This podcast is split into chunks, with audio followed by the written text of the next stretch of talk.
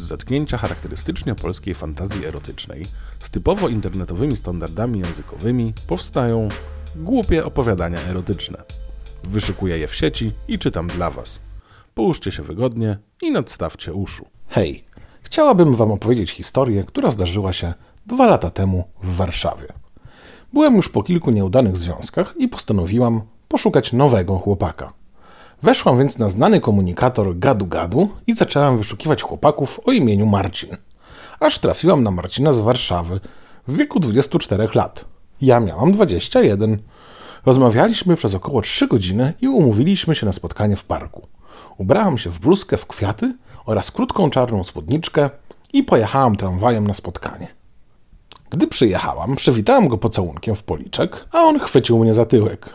Po chwili powiedział, że mu stanął na mój widok i chciałby zaspokoić swoje potrzeby. Zapytałam go, co ma na myśli, a on odparł wprost, że ma na mnie ochotę i zaciągnął mnie w krzaki. Był okres zimowy, więc ludzi w parku o godzinie 18 już nie było.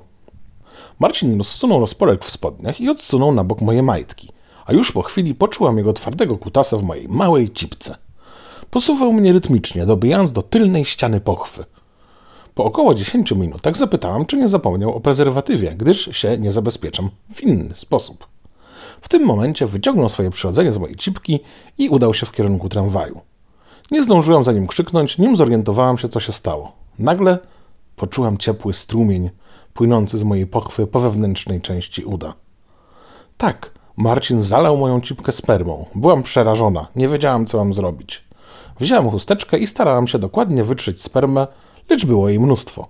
Po ogarnięciu się udałam się do domu. Marcina już nigdy nie widziałam na oczy.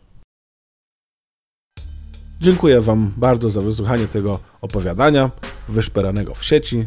Subskrybujcie ten kanał i do usłyszenia, gdy znów najdzie Was ochota.